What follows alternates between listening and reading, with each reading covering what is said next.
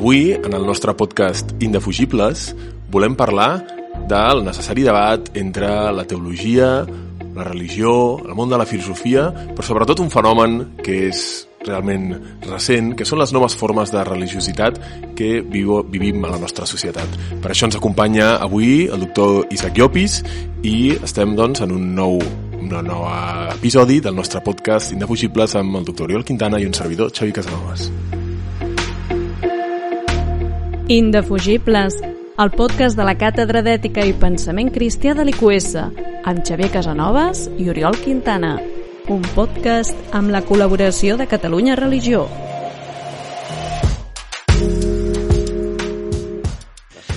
Doncs eh, anem a presentar el doctor Isaac Llopis, que li, li agrada viure eh, enterrat a l'escola de secundària on treballa com a professor de matemàtiques i de física. Però de fet és doctor en física, és teòleg i també és màster en filosofia. I això no vol que ho digui, però de fet mm, també té un màster en direcció d'escoles. O sigui, és un home profundament preparat i que bueno, és un talent que no volem desaprofitar i que entre altres activitats, però a més de treballar a l'escola, també dona classes a l'ISCREP, no? I també és una de les seves especialitats a la qüestió de les noves formes de religiositat. Jo, Isaac, la primera cosa que em, em ve al cap quan parlem d'aquests temes, de les noves formes de religiositat, és com les persones que estem com formant part de, de les religions més tradicionals, en el nostre cas, el Xavi i jo, que som pertanyem a l'Església Catòlica i tu que estàs eh, eh, ets protestant eh, sempre tenim una espècie de sensació de superioritat respecte a, mira, aquests pobres que van com més perduts i les noves formes de religiositat que solen ser allò barreja de coses i tal i qual. Està justificada aquesta superioritat, aquest sentiment de superioritat? Bueno, en primer lloc, doncs gràcies per convidar-me. Uh, en segon lloc, dir que el tema de, de la direcció d'escoles no és que ho tingui enterrat perquè ni estic enterrat a l'escola secundària, estic molt orgullós de ser professor de secundària, això perquè si ho escolta algun alumne meu... De, no, saps què passa? Que a vegades tens la sensació de que... És, o sigui, el que he dit és totalment tendenciós i, sisplau, eh, que se m'entengui bé, que passa, per, però sí, un té la sensació de que no, simplement els profs de secundària no estan prou valorats. Això I totalment. punto. I aleshores eh, cola de que diguis ah, està enterrat en cola secundària. Però estic totalment d'acord amb tu que Sí, sí, ni econòmicament... Bueno, que jo no sé si he estat 20 anys jo de professor de secundària, saps? Vull dir, és que sí, és com... Sí, sí. No, per mi és un plaer ser professor de secundària. El màster aquest és que me'l vaig treballar poc, realment, llavors eh, em dono el títol, però tampoc m'hi sento identificat. Uh, a veure, sobre la pregunta, clar, sí que és veritat que quan tu pertanys a una religió oficial, digue-li catòlica, eh, cristianisme protestant o hinduisme, el que sigui, hi ha una institució darrere, hi ha un poder, hi ha com una jerarquia, hi ha escoles, universitats, hospitals relacionats amb aquesta religió, amb la qual cosa és una qüestió institucionalitzada, estructurada, etc. En aquest sentit hi ha una superioritat eh, en aquest sentit. Però, eh, al final, és una vivència espiritual la que té cadascú. No? Aleshores, si posem a, contrarrestar doncs, d'alguna forma el fet de compartir una mateixa fe, sí que és veritat que dins dels catòlics hi ha, hi ha una, una comunitat darrere, hi ha una estructura, etc. En canvi, doncs dins, dins d'aquests fenòmens que són variadíssims i de tot tipus, doncs tot és molt més diluït, en aquest sentit. Però això no justifica la superioritat, tampoc. No, clar, la superioritat què és? Vull dir, si, si estem parlant de religió i parlem de superioritat, potser és que no estem entenent bé la religió. Correcte, correcte. Bueno, Xavi. Jo anava a preguntar, doncs, de, o sigui, de què estem parlant quan parlem de noves formes de religiositat? És a dir, ja més o menys intuïm, ja sabem que avui en dia allò de la religió a la carta, cadascú escull, mira, això una miqueta de budisme per aquí, una mica de tradició catòlica, perquè al final bueno, tenim la cultura que tenim, no? Eh, I alguna cosa d'espiritualitat així una mica, no sé com dir-ho, no? Eh, esotèrica. Esotèrica, o a vegades un cert panteisme. Tot això es barreja al final, no? I, i entenc que estem parlant d'això? Sí, sí, sí és un, una, un dels fenòmens. No? El cap i a la fi és un procés històric, sobretot diuen els estudiosos, no? que és la meitat del segle XX, eh, podríem parlar del maig del 68 com un moment d'eclusió, no? sí que és veritat que és una època que cap de nosaltres existíem, no? O, llavors no ho hem viscut, però sí que és veritat que va haver-hi un canvi de que de sobte, doncs, eh, sobretot una fascinació molt gran per Orient, i que, de fet, doncs, en cert sentit, aquelles religions oficials que ja havien perdut certa credibilitat, cert poder, no? podem parlar de Nietzsche, la mort de Déu, no? de sobte aquest desencantament del món que parlava Weber, no? hi ha experts, eh, el Josep Oton, que va ser professor meu, no? que parla, el seu llibre és el reencantament no? eh, de les religions, i és, i en cert veritat, no? com, com diria un físic, no? que l'energia no es crea ni es destrueix, la religió no es crea ni es destrueix. No? Llavors, amb els canvis socials afloren noves formes de, de religió. Però aquestes noves formes de religió són les que tu has comentat, però també, per exemple, els fonamentalismes. És una, una nova forma d'entendre una religió des del punt de vista protestant, catòlic, islàmic o el que sigui, no? que és completament contrària a una forma més esotèrica, laxa, difosa, etc. però a la vegada és un fenomen actual, actual des dels anys 70, i que òbviament està canviant i cada dècada podríem parlar de formes diferents de religiositat però això són les formes que avui dia la gent amb la gran majoria pren A mi el que m'interessa molt d'aquest debat Um, i és, bueno, fa, fa uns anys vaig llegir del José Casanova, que és aquest sociòleg també de les religions, deixeble de Charles Taylor. Um, clar, en l'àmbit de la sociologia de les religions hi ha aquesta tesis que és contrària a l'imaginari col·lectiu de que a més il·lustració, a més modernitat, més desaparició de la religió, no? i que per tant, a mesura que va avançant la raó, la religió desapareix. Però sociòlegs diuen, no, no, és que això no és el que està passant. A dir, a més il·lustració, um, el que està passant és més pluralisme religiós, però no, des, no desapareix, diguéssim, la, el fet religiós com a tal, ni desapareix la pràctica pràctica religiosa, no? I entenc que respon una miqueta al que, al que tu estàs explicant i que, i que és un fenomen interessant i que fa un gir respecte al que probablement veníem o creiem, no? Eh, allò del final del segle XX, mm. eh, amb el liberalisme polític i amb tot aquest context, les religions van desapareixent, es, es, es quedaran relegades a l'àmbit privat, però això no és el que està passant. O sigui, el fenomen mm. que s'està donant no és aquest, no? Sí, sí, ah, un incís molt ràpid. És un, la set de transcendent, la set d'alguna cosa més, existeix, és antropològica, no? podríem dir jo anava a dir, la qüestió del pluralisme religiós o... Mm, has, has, has mencionat la frase eh, religió a la carta. Que, ho ha dit ell, però sí. Ho has dit tu. Perdona, Xavi. La religió a la carta és una, una d'aquestes pedres que es fa servir per, per, per tirar-li al cap a l'altre, no? com l'acusació de... Eh, en el cas de noves formes de religiositat, bueno, tu aquí t'has fet una, una cosa eclèctica, has agafat de, del que t'interessa d'aquí i allà. Com si fos una cosa dolenta. Primer punt, mm -hmm. no? Que no sabem si això és dolent o bo bueno, és que al final és igual, no? Perquè sí, sí, no, no una cosa que, que volia dir, que no és qüestió de jutjar, sinó de descriure. Vull dir, Després hi ha una altra cosa, que si quan estudies una mica història de l'Església te n'adones que totes les religions són a la carta. Sí. Però d'una forma super, super arbitrària i, i patillera. El que passa és que amb el temps se li dona una pàtina de prestigi, hi ha una història i, i de fet no s'explica bé la història perquè no s'entra en detalls i aleshores doncs eh, en fi, jo què sé, el cristianisme mateix va trigar 300 anys en decidir si, qui, qui era Jesús, saps? I llavors, allò es va decidir pues, xerrant, diguéssim, i, bueno, i podia sortir una cosa, podia sortir una altra. O sigui que a mi quan em diuen, ah, és que et fas una religió a la carta, dius, bueno, com totes, no?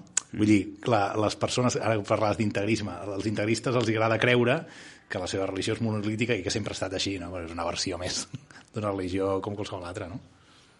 Sí, sí, i a la vegada les persones que formem o formen part d'una religió oficial també al cap i a la FIFA, no? la religió tota la carta, és a dir, eh, una persona, encara que sigui d'una certa confessió, eh, fins i tot els seus pares o de la seva parella, encara que pertanyi a la mateixa confessió, viuen mm, el transcendent d'una forma diferent, perquè al cap i a la fi trobes allò, tot i que pertanys a una comunitat i allò et dona sentit, doncs al final també busques allò que, que, que et funciona, no? I això és molt, molt de l'eficiència, però és, és així.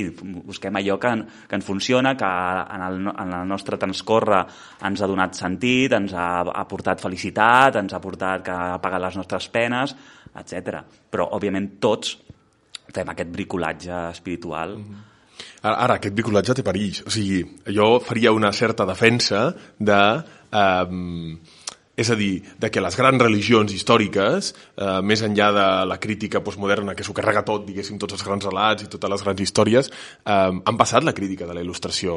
Però, clar, aquesta religió a la carta, d'agafo una mica d'aquí, agafo d'allà, o m'invento el que em dóna la santa gana, eh, pot, pot ser molt més... No sé, vull dir, molta gent diria, no, justament el cristianisme és el que és contrari a la raó, perquè la, no, la religió eh, no ha tingut en compte, i, i avui en dia pues, l'horòscop està de moda, no? Eh, bueno, no sé qui és capaç o qui s'atreveix a posar sobre la taula en igualtat de condicions l'horòscop i el cristianisme, diguéssim, no? Mm -hmm. Però és evident que estan anys llum un de l'altre, no? I que, per tant, està molt bé i queda molt bé avui en dia dir, no, en el fons és, tot és el mateix, perquè tots participem d'aquest transcendent, eh, en el fons és igual, si a tu et va bé ja està bé.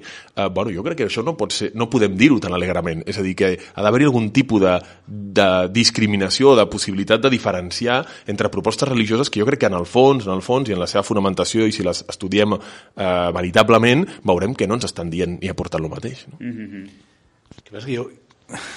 A mi aquest discurs teu, Xavi, o sigui, em costa perquè, en primer lloc, per jutjar, diguéssim, una doctrina, el que s'ha de fer és, eh, és veure què fa la gent realment. És a dir, no, com va dir Jesucrist allò de l'arbre es jutja pels fruits i prou, no, no pel nom que posa sota o el que sigui, no? Mm -hmm. Llavors, en certa manera, sí, clar, quan, certs, quan escoltes certs discursos de, respecte a energies, horòscops i coses, a, a mi la meva sensibilitat catòlica em fa posar la, la pell de gallina, però després he de dir, bueno, i què, saps? Vull dir, al final no és tan important. Aleshores, també em costa molt diferenciar... O sigui, he de fer un esforç molt gran, diguéssim, de, de construir un discurs i de vestir, no sé què, una sèrie d'idees per poder dir eh, que hi ha una diferència fonamental entre la màgia i la religió, no? un clàssic tema eh, de les facultats de teologia, diríem, mm. i eh, finalment encara he aconseguit una, un, jo no he trobat un discurs que diguis hombre, que està claríssima la diferència, no? Sempre es pot continuar argumentant, no? Vull dir que, no sé, jo crec que eh, al darrere de... O sigui, el fonamental és el que deia l'Isaac ara, de realment això m'aporta o no, no? Això és molt important, si t'està aportant o no, i t'està fent la teva vida millor o pitjor. Mhm. -huh. Perquè sí, hi ha moltes formes de viure la religiositat que, que, que que sí, que et poden, et poden empitjorar la vida fins i tot que no te n'adonis o no te n'adonis al primer moment. No? Això sí que és molt clau.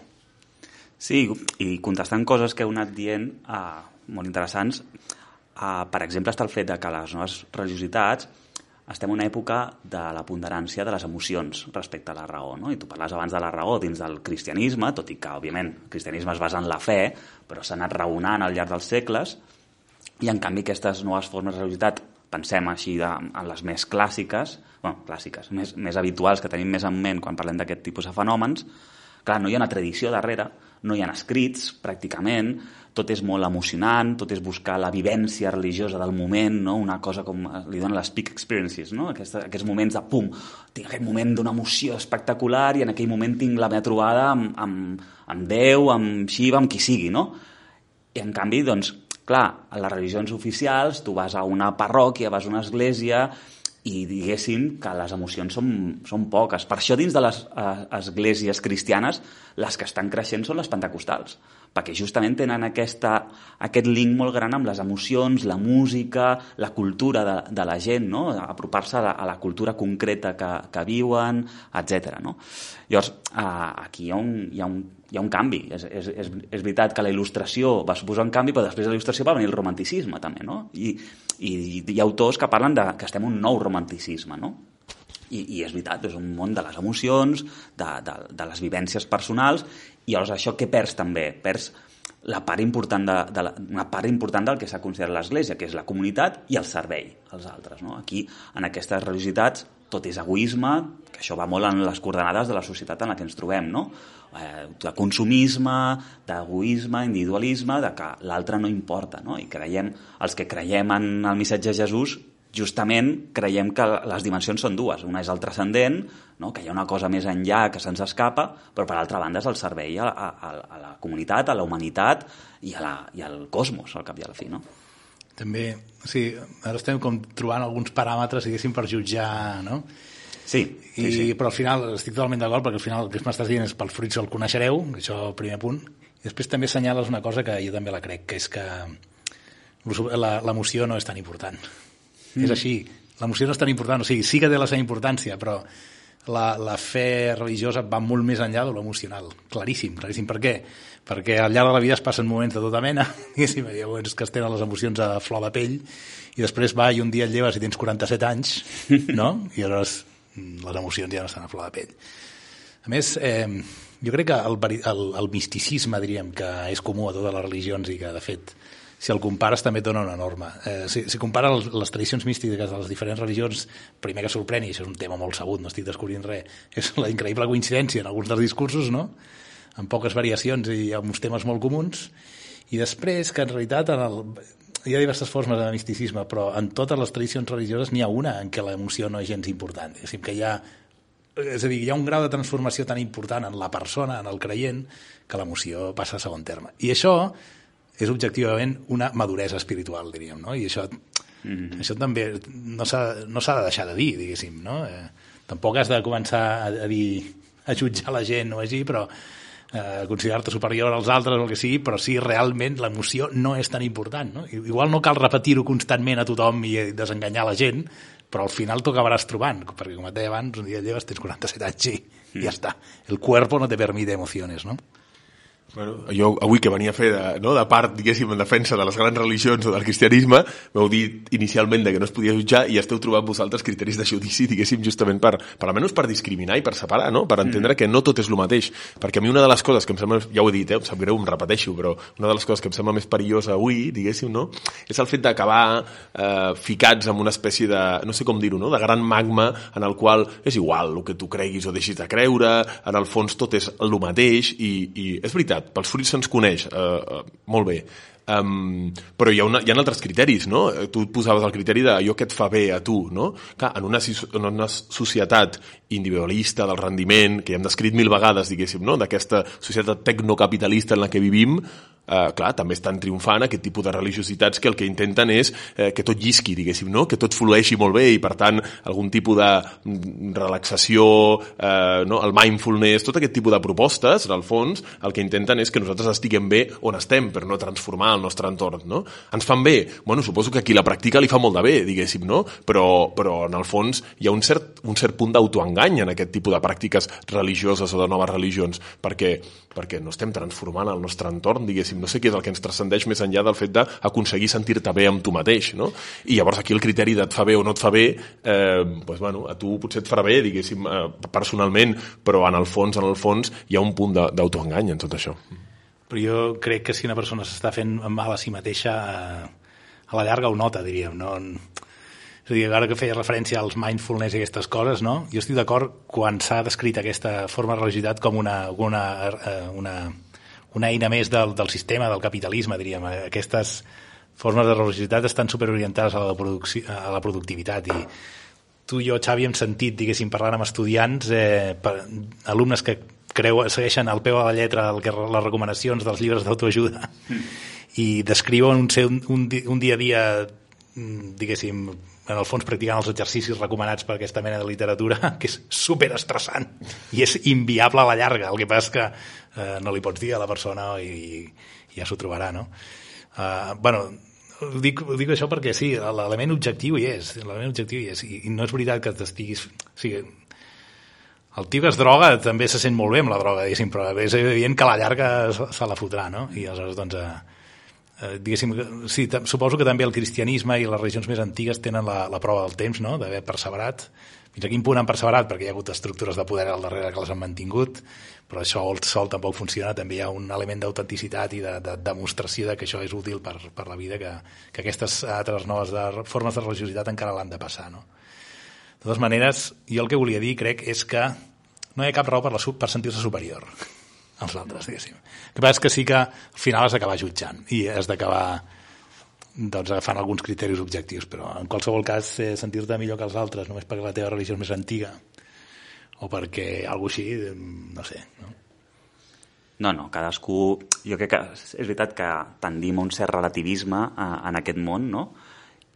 però sí que és veritat que cadascú ha de, ha de trobar allò que, que, que, que li dona sentit i a la vegada crec que una, un dels objectius que tenim les persones, ja no perquè siguin cristians o no, sinó com a persones d'aquest món, és intentar ajudar a formar-nos en diàleg, no, no, no monòlegs monolítics eh, que imposem la veritat als altres, sinó que, que al final en aquest món tot, hi ha molta cosa per descobrir, no? i hi ha molts misteris, etc. però crec que sí que una cosa que ens toca a tots és aportar als altres educació, per això també som formadors, i una mica eh, créixer tots junts en una visió del món una mica més justa, no? I al final jo crec que una de les coses com a cristians i com a persones, repeteixo, és crear un món doncs, amb millors condicions i amb menys injustícies i en lluita, estar en lluita. I crec que això, els que som creients, ho fem perquè creiem que, que hem estat creats per alguna raó, no? I, i això ens fa lluitar també amb una força més gran. Però en cap moment imposar la nostra veritat. Sí que hem jutjat aquí, però crec que, que amb, amb un sentit i que i això és, no, no hi ha superioritat, no, no ens hem de creure perquè som cristians som superiors. Al contrari, pot, potser ens hem de sentir més responsables de... I, i, i tallo aquí perquè si no se'ns va el temps. Jo anava a dir que passant del temps i allargant així necessàriament potser aquest podcast, que en, en això que deies de fer un diàleg, diríem, fonamental, és fonamental no intentar adoctrinar i que explicar-li a l'altre mira, ara t'explicaré la solució, diguéssim. No has estudiat prou teologia, això, mm. això tu sents a vegades, no?, quan dialogues, quan parles. Això és, és horrorós. I també, diguéssim, jo crec que en el món de la, de la religió i de la religiositat i l'espiritualitat hosti, hi ha molt poc lloc per l'humor i per la, per la burla. La burla, diguéssim, molt important, la burla. O sigui, eh, tolerem molt malament que es burlin de nosaltres mm. i tenim molta precaució en burlar-nos dels altres, perquè, clar, la matèria de la religió és el sagrat i el sagrat, per definició, és allò de que és inqüestionable i del que no te'n pots burlar. Però el sagrat és el que queda després de que t'has burlat de tot, no? I aleshores eh, ens faria molt de bé, crec jo, el ser tolerants en el sentit de està permesa la burla de l'altre, diríem, no? I, si es, eh, si, la, si es fa des d'un lloc bo, diguéssim, no des de la superioritat, però sí des de posar les contradiccions davant de la cara, igual que l'altre te les pots posar tu, no? Jo en això seria partidari d'obrir la veda i fer el màxim cachondeo de totes les regions possibles. Podeu no? fer un podcast sobre els límits de l'humor, que sembla sí, un tema exacte. que... No, però és que eh, sembla que estiguem canviant de tema, però diguéssim, si es tracta de dialogar, eh, si es tracta de créixer espiritualment, de, eh, com he dit abans, no? el sagrat és allò que continua sent sagrat després de que t'has rigut absolutament de tot. No? Mm. En fi. Xavi Casanovas. No sé. Eh, Isaac, gràcies per venir. Un plaer haver conversat. Ens ha quedat clar, jo crec que, que bueno, vivim en un context de pluralisme religiós, vivim en un context en el qual cadascú s'acosta al transcendent o a el que considera que és el transcendent de maneres molt, molt variades, eh, però que el, que el debat està obert, digui que entre des dels més laxes fins als més fonamentalistes, diguéssim, estem en un context en el que ens caldrà continuar dialogant. Així que aquí està també aquest podcast per, per invitar invitar-nos a tots al diàleg. Ens, ve, ens veiem en una propera sessió d'Indefugibles.